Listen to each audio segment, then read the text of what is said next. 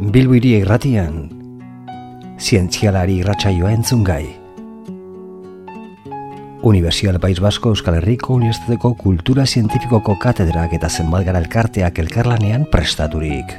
Zientzia gizarteratu eta haren balio, historia eta lorpen nagusiak edatzeko. Izarren hautsa egun batean, bilakatu zen bizigai.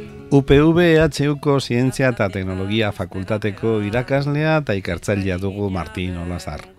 Unibertsitate horretan bertan eskuratu zituen lizentziatura eta katedra engineritza kimikoan, eta mila bat zideun eta malauaz gerostik, arlo horretako irakasgaiak ematen ditu UPV EHUn. Bere jakintza ere muko simposion eta biltzar askotan parte hartu du, bai antolatzaile eta bai islari moduan. Era berean, sari ugari jaso ditu bere ikerketa alanengatik, Aietako lehena, Resurrezion Maria Askue ikerketa lehiaketan eskuratu zuelarik. Menperatzeko premia Azken aldi honetan, kezka handia sumatzen da eremu askotan eguratzera isurtzen ditugun gai kutsagarriak direla kauza. Horren aurrean gerota garrantzi handiago hartzen ari da biorregarre biorregaien eh, bidea, hau da, biomasatik e, lortzen diren erregaiak. Haiek lortzeko prozesuaz eta haien erabileraz jardungo dugu gaur Martin Olazar ikertzailearekin gure artera etorri da. Azkenean ere, behin baino sarriago saiatu gara, batetik bestetik ezin izan dugu. Martin, eh, kaixo zen moduz, ba, azkenean elkarrekin gaude. Bai, eta Lortu dugu biltzea, bai. eta erregaiei buruz, e, bio erregaiei buruz hitz egiteko prest. Bueno, behar bada gaiari, bigarregaien gaiari heldu horretik, Martin, erregaiak berez zer diren azaldu beharko zeniguke hitz laburrez eta batez ere hitz erraz ez guk bai. ulertzeko moduan ez errazkorik ez dakigulako honetaz. Orduan, erregai bai. bat esaten dugunean zertaz ari gara zehazki esan da. Bai. Bueno, hitzak berak esaten du modan, bai edo zin izkuntzaten, erregaia erretzeko gaiden edo zer. Oda, erre egin daitekeen edo zer. Erre, helburua da erre eta beroa edo energia lortzea. Oda, beroa zuzen zuzenean zerbait berotzeko edo bero hori aprobetsatu eta ba, energia moduan erabiltzeko. Beraz, gure antzina, antzinateko arbaso haiek e, leize zuloetan bizi ziren haiek zua egiten zutenean, zua zen beren erregaia, ezta? Ba, bueno, erre, e, egurra, zen, e, egurra, eta, eta e, ondorio zen zua, ezta? Hori, lortzen zena handi, ba, zua, eta zua ba, beroa ematen zien, azkenean e, hori da helburua, bai. Uh Denetariko, beraz, historia zehar, denetariko erregaiak eh, erabili izan direla pentsaren ez ez da? Bai, e, gurra esan dugu bat, baina erabiltzen zuten ba, arrainak esate bat, bueno, baleak edo antzekoak itxasoan, eta horiek eh, koipea zuten ugari, orduan koipe hori erabili eta ba, berdin horre ere, ba, berua, e, zua egiten zuten, nola esateko, eta hortik e, beroa ateratzen zuten. Eta, gero, bueno, on asko zede beranduago, lehen esan dudan moduen, ba, ja, beste mak makina batzu mugitu eta ja energia modun erabili. Belen lehen erabilera, aintzina aintzinako lehenengo erabilera ba berotzeko. Bai, bai, lurruna izango zen sekulako aurrera bai. pausua, ezta? Bai, bai. bidez makinak eta mugitzen hasi Hori da, ja, hori ja masortzik armendian oso berandu izan zen, baina hori da, bai, bero hori, ba, ba, bak, berotzeko eh, bakarrik erabili beharrean, ba, lurruna sortzeko, eta lurrun horrekin, e, hori da, lurrunesko makinak, ezta? Eta ja, modu kontrolatu batean, ezta? Galdara bai. baten barruan, edo... Bai, hori lurruna galdara baten barruan, da gero horti, bueno, ba, mekanismo guztian nola bai desateko mugitzen zen, ba, eta azkenean bat trena, esan, adibidez esate baterako, edo dozin beste zen gauza. Hori da, bai. hori da, gaur egun hain bai. normal zatartzen ditu gauzaiek, eta ze prozedura eta ze prozesu luzea eduki duten, ezta? Bueno, erregaiak, beraz, ba, aki gurain zer diren erregaiak, Martin, eta bioerregaiak, eh, oren, arien eh, bai. aldeera horren definizioare eskatu behar dizugu. Bai, e, bioerregaia, ba, nola bai desateko, e, ba, sustantzia edo nola desateko materia biologikoa erreta sortzen direna, dira, hori da. Definizioa, bueno, askotan gaur egun ba, bioerregaiak eta beste alde batetik ba, erregai fosilak erabiltzen dira.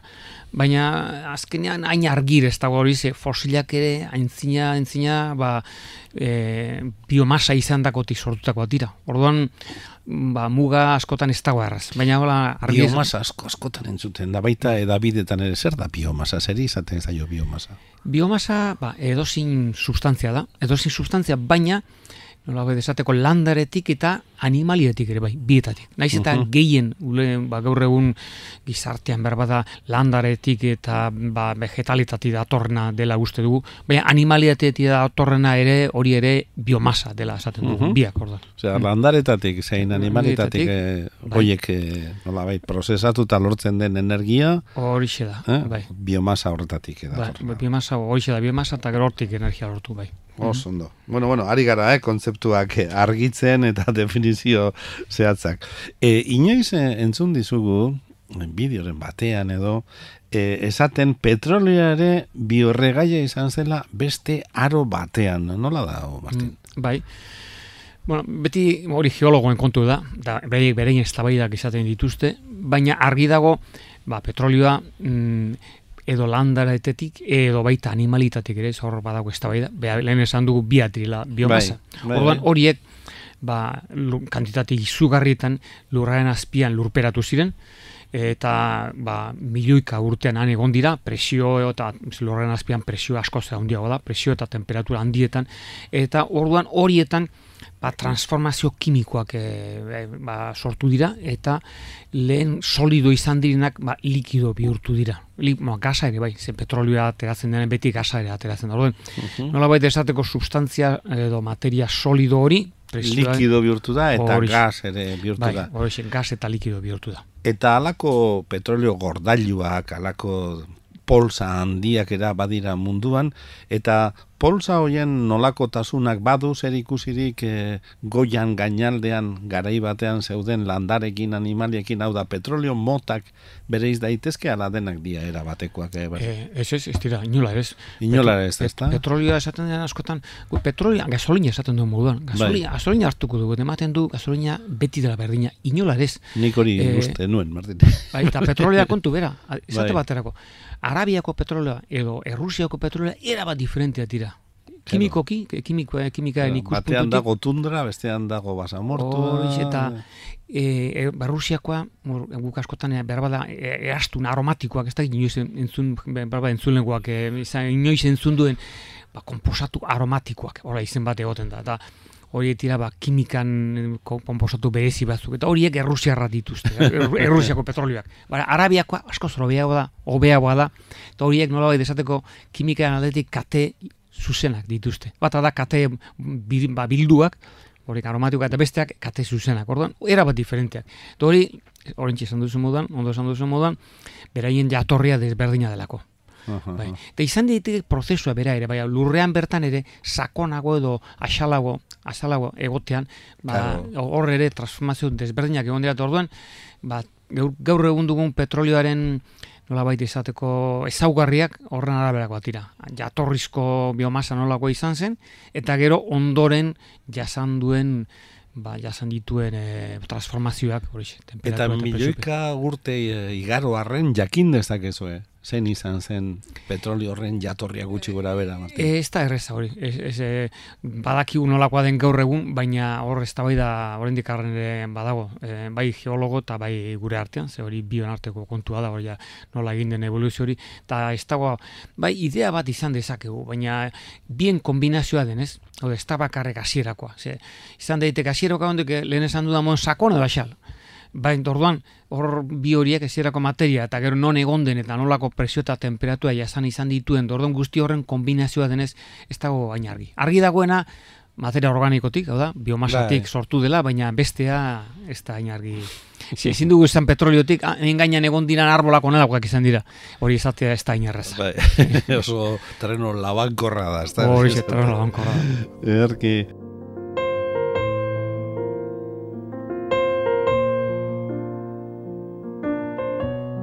Bueno, eta mm, e, erregaien artean zailkapenek egiterik badago, erregaien artean, Mm. eta horri erantzita, eta biorregaien artean zailkapenik egiterik Mm. badago, galdera bikoitza. Bai. Bueno, erregaien artean, bueno, lehenengo sailkapen nagusi nagusia da, esan, esan dezagun, ba, fosilak esaten dena, e, hori tira petrolioa, ikaza, gas naturala, hori lehen esan dugun moduan, orain dela, ikazare berdin sortu da, orain lehen egin diazuen galderari helduta, e, esan dugu likido, baina hori likido, likido ez da zuzena e, esan dudana. Zeren gainan egon dian arboladia eta gainan egon den hori vegetazio guzti hori, presio eta temperatura handietan, batzutan ikaz bihurtu da, beste batzutan gas natural, gas bihurtu da, beste batzutan likidoa, petrolioa. Prozesu kimikoaren arabera, ez da? Horixe da, prozesu- Aldaera ah, hori- txiki bat, eta ta, ona edo ara. da, ona edo ara egin du. Orduan, hori da. Hori guzti horiei erregai fosilak, fosilak izenatu moduan segaitik, ba, milioika urtean lurpean egon diran, hori ba, fosilak, eh, arrain fosilak daude moduan, hauek erregai fosilak, no? milioika urtekoak direlago. Eta beste bata, ba, gaur egungo erregaiak, ezta? Eta gaur egungoak, ba, e, gehienak ba, erre erre egiteko ba horixe bioerregaiak e, dira batez ere ze, energia lortzeko edo bioerregaiak edo fosilak. Ze, energia beste bid- bide batzutatik lor daitezke, baina ez erregaien bidez, adibidez, ba ura erabilita lortu daiteke, energia nuklearra erabilita, erabilita lor daiteke, energia ez da, haizea. Aizea erabilita, oso ondo, eta itsasoan ere, itsaso da. koleatuak erabilita, horra energia, baina erregaia, horixe da, hori zailkapen nagusia izango litzateke fosila Fosila eta edo bi, bioerregaia. horixe. Eta bioerregaietan, e, bereizten... E, Gau, edo- bio erregaiet, bioerregaietan ba hainbeste hain argi ez dago. Bat izan Aha. daiteke lehen esan duguna landareti datorren biomasaren erregaiak, edo bioerregaiak asunetan, edo animalietatik eh, datozen eh, bioerregaiak. Horrela izan daiteke Mhm. adibidez. Mhm. Eta bioerregai horiek, eta ja, e, izen konkretuetara jota, e, zein, gait eta, zein gaitatik ateratzen da gehien gaur egun munduan? Bai. Oda, zein, zein produktu, zein landar erabiltzen da maizenik... E, Biorregaiak ateratzeko, bueno, diferentzia handiaz, e, Brasilen esate batarako azukre kainubera erabiltzen da mm, gehien. Ba, bertan, beraik e, ba, guk eh, gasolina erabiltzen dugu moduen, ba, metanolesko edo alkoholezko kotxeak dituzte. Eta orduan, alkohol hori ateratzeko, ba, izugarrizko landak, izugarrizko zoroa dituzte, ba, kainabera azukera landatuta, mm? gainera hiru edo lau usta izaten dituzte, ze Jo. beran eguraldia oso ona da, ez dago Bai. hemengo moduan, ba, uda, uda barria tain bere iztut ez daude, urte osoan zehar, ba, temperatura oso egokia da landera hori gazteko. Eta orduan, ba, bereiek eh, milioika tona, ba, ba, bada, milioika tona esaten denean, gure estatu Espainiar osoan egiten dena, baino gehiago, ba, alkohol, metanol sortzen dute, ba, gero kotxeetan erregai moduan erabiltzeko. Hori da, ba, em, eta azukre kainaberatik. Azukar kainebeatik. Gero, estatu batuetan ere, e, erabili zen artoa, erabili, artoa erabili Bai, lehen moduan, eta baina hori, hori orain ez dago, hori gainberan dago, zeren ez da dago gorra izan zen, ze hori animalientzako eta pertsonantzako janaria da, orduen bioerregaiak egiteko horrela guretzako janaria den kontua ez dela etikoki egokia eta horako ez da gogorrak egon ziren, hori dela eta Baina hori Eh. beti egongo da, ez da? Izan Bai. ere, azukre kainabera ere janaria da, elikaia da, guretzat. Mm, Bueno, ez da kaina, azkuna azkena azukrea da eta zenbat gura daukagu. Hau da, naiz eta hor erabili beste era horretara azukrea zenbat gura. Baina hartoa nola bai desateko ez, hartoa, ba hori, janari lehen gai da, ganara, lehen, gai, lehen mailako janaria da. Hau da, ogia egiteko, Bai, bai, edo bai, bai, bai. hor, Mm. jentasko... Arrosta edo irina Horixe garia den bezala, ez da? Horixe da. Munduan goze ziltzen jen- jendea dagoen bitartean, ba, hori egitea, ba, bora, gogorra edo etiko dela egokia, eta orduan gainberan dago orain hortik sortze. Orduan, Mhm. hori da. Eta hemen gure autobusetan, eta hemen ere ikusten dugu, ez da, bi horregai ez da bilen autobusa, eta Bai. horiek zein, Bai. zein erabiltzen dute gehienik? horiek eh, normalean biodiesela erabiltzen dute batez ere. Hori da, e, hemen olioa ekoizteko landare batzuk daude, askotan izan daiteke eske ba, eh, ezagutzen ezagunera berba da koltza, soia ere Bai. badago, koltza ere badago, jatrof, holako izan hainbat landare daude. Bera, Olio bereziki- ematen dutenak, ez da? Hori- Orioa, orioa ematen dute eta gero hori orioa transformatu egin behar da. Horre esan behar da, ba, errendimendua ez dela handia, zeren lehenengo landarea azten da, landaretik hazia at- lortu behar da, adibidez koltza landara, koltzatik hazia atera, hazi horri olioa kendu behar zaio, orduan ja prozesu bat egin behar da lantegi batean, oli hori zuzenen erratzeko ez da egokia eta gero beste transformazio kimiko bat egin behar zaio, eta azkenean, ba, izugarrizko energia kosto handia, hori biodiesel hori sortzeko. Eta gero biodiesela bakarrik ezin da erre, eta erregei konbentzional edo oiko erregaiarekin ahastu behar da errezeko gainera. Ze hori esaten duten autobusak ere bioerregai utxa ez dut erretzen. Nahastu egoten da beste oiko erregaiarekin hor badago beste polemika bat ezta? Energia sortzeko eh, energia asko erabili behar badugu alferrik ari gara, ez da? Horixe da, landari lanengo hasi egiteko, ba, bota, ba, bueno, kimikoak eta horrela bota, gero bildu egin behar da, gero ken, hasiak kendu behar zaio, gero hasi horri beste prozesu bat, eh, ba, prentxatu eta filtratu eta guzti hori olio ateratzeko, gero olio horri, ba, kimikan esaten den transestrifikazioa, esaten izen hori izaten zaion prozesu bat egin behar da, hortik, oliotik, biodiesela lortzeko. Eta hori guzti hori ginda gero, ba, petrolio oso merke badago, ba, baliteke izatea errentagarria, beha mestela, ba, ez da errentagarria. Hori da kontu. Erki. Bueno, ba, guazen aurrera, eta e, erabileraren eta rendimenduaren aldetik, eh? erabilera eta rendimentua. E, noraino dira berdinak erregaiak eta bioerregaiak? Erabilera bai. eta rendimentuak, bi baremo bai. edo erabilita, bai. Martin. E, bueno, lehenengo erabilera ba, e, lehen esan dudana, gaur egun erabiltzen dena ba, hori bialkola bereziki, eta e, gero beste, ba, beste batzuk ere bai, beste antzeko batzuk, horre erabiltzen dira.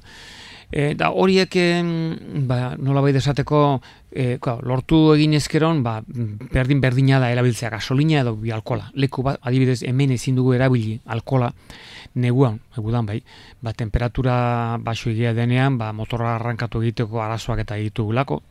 Egin ziteken hemen ere, eh? ba, behar bada arrankatzeko erabili gasolina normala eta gero erabili alkola. Horrek ez dago erabili aldi geluke izango inolako arazorik. Horren, horren kasuan. Beste kasu batzutan bai. Beste kasu batzutan lortzen diren e, bioerregaiak, adibidez biodiesela, bera, ez da hain, bueno, erregai fosiletik lortzen den beste bezain ona ez da. Eta orduan ba, horrek zer ekartzen du ba, e, erabilera eta rendimendu laututa daude, horren rendimendu txikiagoa, eta orduan ba, e, hori konpentsatzeko ba, nahastu egiten da. Beste bide bat, beste bide bat e, ba, beste transformazio kimiko bat egite izango litzateke, baina berriro kostua handiago egingo litzateke, hor dago, orduan. E, gero, ba, landaretatik gaur egun e, nola bai desateko ikerkuntza mailan, eh? indarra handia egiten ari dena, e, petrolio biologikoa deitzen kontu bat edo bioia deitzen den bat, olako izen bat, hori da, e, milioika urtean lurrazpian egin den hori laborategian edo edo lantegian egin justo gainera milisegunduak erabilita. Da orduan lortu biomasatik bai Eh, Oso kuriosoa da, ez da. Bai, orain gaur egun gainera ikerkuntza guztia horti da, horti eh, bideo horretatik da. Da, hartu landara, mm, landara osoa. Helen esan dugu biodiesela egiteko, hasia hartzen dugu eta hasiari hori bai, du.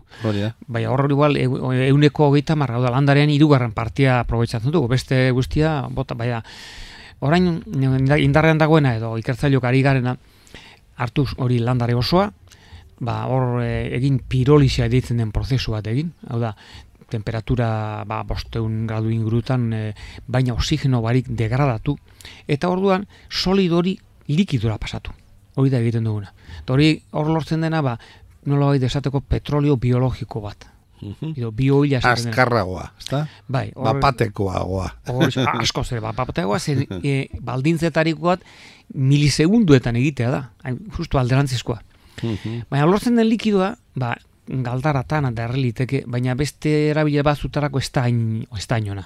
Zeren, claro, milioika urteetan, ba, transformazio ugari egin dira, astiro, astiro, astiro, astiro, ugari, ugari, baina milisegunduetan bapatean, ba, ez da erreza gauza bera lortzea. Orduan, hor beste transformazio batzuk egin behar dira. Lehenengo likidora pasatu, eta gero likido horri beste transformazio batzuk egin behar zaizkio. Eta gero, ba, horrek berriro, dirua eta eta da, garestitu egiten du kontua. Baina ari zarete, eh? Ari, gara, ari gara bai, eta, eta badago gainera balantegir bat hor Holanda aldean erabiltzen duena inguruk etxe guztia berotzeko eta hori hori likido hori erabiltzen ari dena badago bai.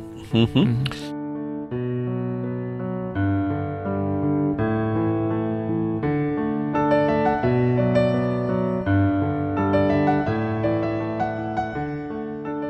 Eta gero beste kezka sozial bat arrazoizkoa dena eta denok kezkatzen gaituena. Kutsaduraren aldetik, eh, badago alderik erregai batzuetatik, bio erregai batzuetatik eh, bestetara? E, bai, claro, beti kutsaduraren aldetik mm, gauza garbi erretzen badugu, garbia, im, bueno, e, bueno, garbien erreta ere CO2 hori betiko kontu hori, CO2 edo horre osaten den ezta, hori invernadero den negutegi Ne. efektua sortzen du, hori beti lortzen da. Zer, erretzen den kontua beti da karbonoa eta hidrogenoa. Hau da, edo zer gauze erretzen badugu, gasolina, gasoila, fuela, edo zer, batez ere karbonoa Karbono eta hidrogenoa dira. Eta karbono errezkeron, ba, karbono dioksida sortzen da. Hidrogenoa errezkeron ura, orduan hori ondo. Baina, erregai guztietan dagoena batez ere karbonoa da. Bueno, orduan, e, erregaiak errezkeron, zoritxarrez zeobia dago. Egokiena izango litzateke, erre, hau da, landarea gazi, eta azten dugun kantitatea baino ez erretzea. Eta berriro horrek CO2, leze badaki landarek CO2 hartu egiten dute. CO2 Mm. atmosferatek kentzeko dagoen makina bakarra, gaur egun ezagutzen dugun makina, landarea da. Eta Orduan guk, landare haziaina, landare erabiliko bagenu erregai moduan, hor, ba, zikloa zero. Osa, CO2aren Mhm, mhm. isurketa zero izango litzateke. Apur bat eh, arbolekin egiten den, ezta? Bai. Mosten direnak bezain bestekoak izatea, ba, horixe da. landatzen direnak eta Hori da. halako zerbait. Hori, bueno, hori kasurik onena. Baina gero erregaiak askotan beste kutsatzaile batzuk ere izaten dituzte. Adibidez, e, baka, gasolina berak e, no, gutxiago, baina berezik fuelak eta guzti hauek petrolioak azufrea du, edo izan dizake nitrogeno komposatuak, eta olako berezik hori biak, eta beste zerbait ere bai. Eta orduan horiek erre eta gero ba, kutsatzaile moduan doaz. Mm? Eta gero, ba, e, orain e, dieselarekin sortu den eztabaida hau kalean ba, diesela Bai. txarragoa dela. Puri-purian da, hori, Bai. ezta? Bueno, hori hori ere- hor ere kontu asko dago. Mm, Alde batetik diesela apur bat erregai astunagoa, gasolina baino astunagoa da. Eta orduan, ba, astunagoa denez, kedarra gehiago sortzen du. Hori egia da, gasolina baino, ba, dieselak kedarra gehiago sortzen du. Astunagoa, gasolina finagoa da. Hori bai. gasolina finagoa da. Astunagoa esaten duguna kimikaren aldetik Bai, pisu bai, molekular handiagoa. Hori, Hori. bueno, esan dezagun horrela. Baina oso ondo esan duzu, finagoa da gasolina, beste apur bat eh, bastoagoa da esan dezagun, ez da? Eta, baina askotan esaten duen dena, e, gehiago kuxatzen duela. Ez dago argi, gasolinak CO2 gehiago botatzen du, zeren karbono gehiago dauka. Orduan, e, hori, dieselaren hori kedar hori filtroen bidez eta er, erreten ditu egingo bagenu, ba, e, elizat, eluke gehiago kontkutsatuko, alderantziz, gasolina baino gutxiago. Orduan, askotan esaten dizkiuten gauza hauek nik ez ditut ondo ulertzen. Ba, ondo nik esango nuke interes asko dagoela gizartean. Bai, bai, ez da, honetan Bai. interes asko. Eta gero beste gauza bat zure hitzetatik eta agian erratuta nago, eh? baina iruditu izan zait, esan duzula, bueno, bi, eh, erregaiak mm, banan-banan erabili beharrean, binan-binan ere erabilitezkela, ez da? Auto aipatu duzunean, bueno, arrankatzen dugunean erabil Bai. genezake hau aipatu duzu, ez da? Bai, bai, bai, eta gero horixe. bioalkola. Bai, bai, bai, horixe. Beraz, hori oso posible ikusten duzu gaur. Duda barik, duda barik esate bat hori egin daiteke bai kotxeetan edo galdaratan beraietan ere bai, adibidez ba e, biorraie batzuk ba arrankatzeko bala arazoak izan dizakete, ba beste betiko ohiko ba, errege bat erabili arrankatzeko eta gero operazioan edo nastuta ere bai, nik esango nuke beste gauza bata erabili beharrean, ba, ze bioerregai munduan dagoen landari guztiak erabilita eta dena erabilita ere gaur egun konsumitzen duten dugun energia guztia sortzeko beze ezinezkoa da. Orduan, nik uste dut hor nahastu egin behar direla. Ba, hoi da, erregai fosilak nahastu eta beste alde batetik eraginkortasuna aldin eta undina, hau da, e, aislamentuak, erain eta efikazia edo rendimendu handia hor hor obatu behar da. Eta aldin gutxiago kontsumitu ere bai. Gutxiago kontsumitzea ez da erreza, baina asko oba dezakegu eraginkortasuna edo efikazia. Bai, ez da, Bai. dudarik gabe. Eta, ja, galdera personalago batera pasatuta, Martin, e, mare magnun erregaietan, e, bioerregaietan dagoen mare magnun horren barruan, e, nondik ikusten duzu etorkizuna? Bueno, eh, nik... Ez duzu Ba- oso bak, etorkizun bakuna ez duzu ikusten, ezta? Ez, eh, Aniskuna ikusten duzu, ezta? Horixe da, nik uste dut e, dibertsitatean dagoela e, etorkizuna. Oda, ezin da esan, e, erregai fosila denak albo batera utzi behar dela, eta dena biomasa edo bioerregaiak erabili behar dela, eta alderantziz ere ez. E, nik esango nuke, e, bueno, erabili behar dira energia hauek berriztagarriak edo renovableak esaten direnak, hau da, erabili behar da, ba, e, hori, aizea eta duda barik, hor asko batu behar da, itsasoan bere bai, biomasatik ere soilik, edo bioerregaiak, errage fosilak ere behar izango ditu, baina aldenik eta onduen erre, aldenik eta lehen esan duena, eraginkortasun handienarekin e, aprobetsatu, eta, bueno, ba, egero zeobiaren kontua beste bat, hori, zeobia mm, asteko aldenik eta gutxien sortu, eta gero, bueno, ba, hori horre ere, gero atmosfera bota beharrean, ba, erreten ditu egituko sistema padu eta horiek ere garatu behar izango ditu. bai. Eta galdetzerik Martin badugu, Martin, jakin genezake zertan diarduzun gaur, eh, gaur egun, zure ikerketa lerroak nondik nola doazen? E, bai, edo garik. Bueno, orain, ba, ni aspaldik urtetan lehen esan dudan ba, biomasatik eh, hori petrolio biologikoa lortzen ibili naiz, eta orain ba, bueno, ba, askotan proiektuak izaten ditugu, ba, hori europear proiektuak, eta orain txiolako baten ari gara, beste hainbat eh, Europako ikerkuntza talderekin eta hidrogena lortzen ari gara orain, da, hori zuzenean hartu bio, biomasa hartu zuzenean eta hortik e, ba, hidrogena lortu, ba, gero erabiltzeko bai, bai motoretan erretzeko, naiz ba, prozeso kimikoetan erabiltzeko eta, eta hortan hori da aspaldi honetan gabiltzena. Gero, e, petroleotik lortzen diren beste dozer lor daiteke biomasatik, eta hori ere bai, hau da, hor, e, segun lok, bide desberdinak, prozesu kimiko diferente hau desberdina eginda, adibidez e, plastikoak, gaurko plastikoak, ba, polietilenoa eta polipropilena doriek, petroleotik e, derregora atara beharrek, ez dago, biomasatik eratera daitezke, eta hori horrek e, plastiko horiek egiteko, lehen gai horiek lortzeko prozesuetan ere, ari naiz. Eta, gero, haitzeko ba, plastikotan eta eta gurpiletan bai horiek hondakinak hori hondakin horietatik horiek eh, behar de moduan e, pirolizatu eta likidoa lor daiteke edo lengaia lor daitezke eta horre bai hor da esan dezakegun ingurunarekin lotutako prozesu horiekin e, ari naizela eh, aspertu ez egin zu egun batean ere, ez da? Alderantziz, askotan eh, agobiatu diri, bai, bai, aspertu ez. Jo, ba, Martin, horaz, arbenetan, mila esker, hemendik aurrera, erregai hitza, bio erregai hitza entzuten dugunean, ba, zure bitartez ikasitakoak horatuko ditugu, eta asko sobetu ulertuko du. Ba, ba mila esker, plazer handi izan da, eta nahi duzun arte, zure ikerketa berrien berri, eman nahi duzun egun hortan, atea zabalik duko zu. Ba, eskarrek asko, zeu egon nahi bitetza gaitik, eta nahi duzun arte. Ondo izan. Agur ba. Universidad País Vasco Euskal Herriko Unibertsitateko Kultura Zientifikoko Katedrak eta zenbat gara elkarteak elkarlanean prestaturik.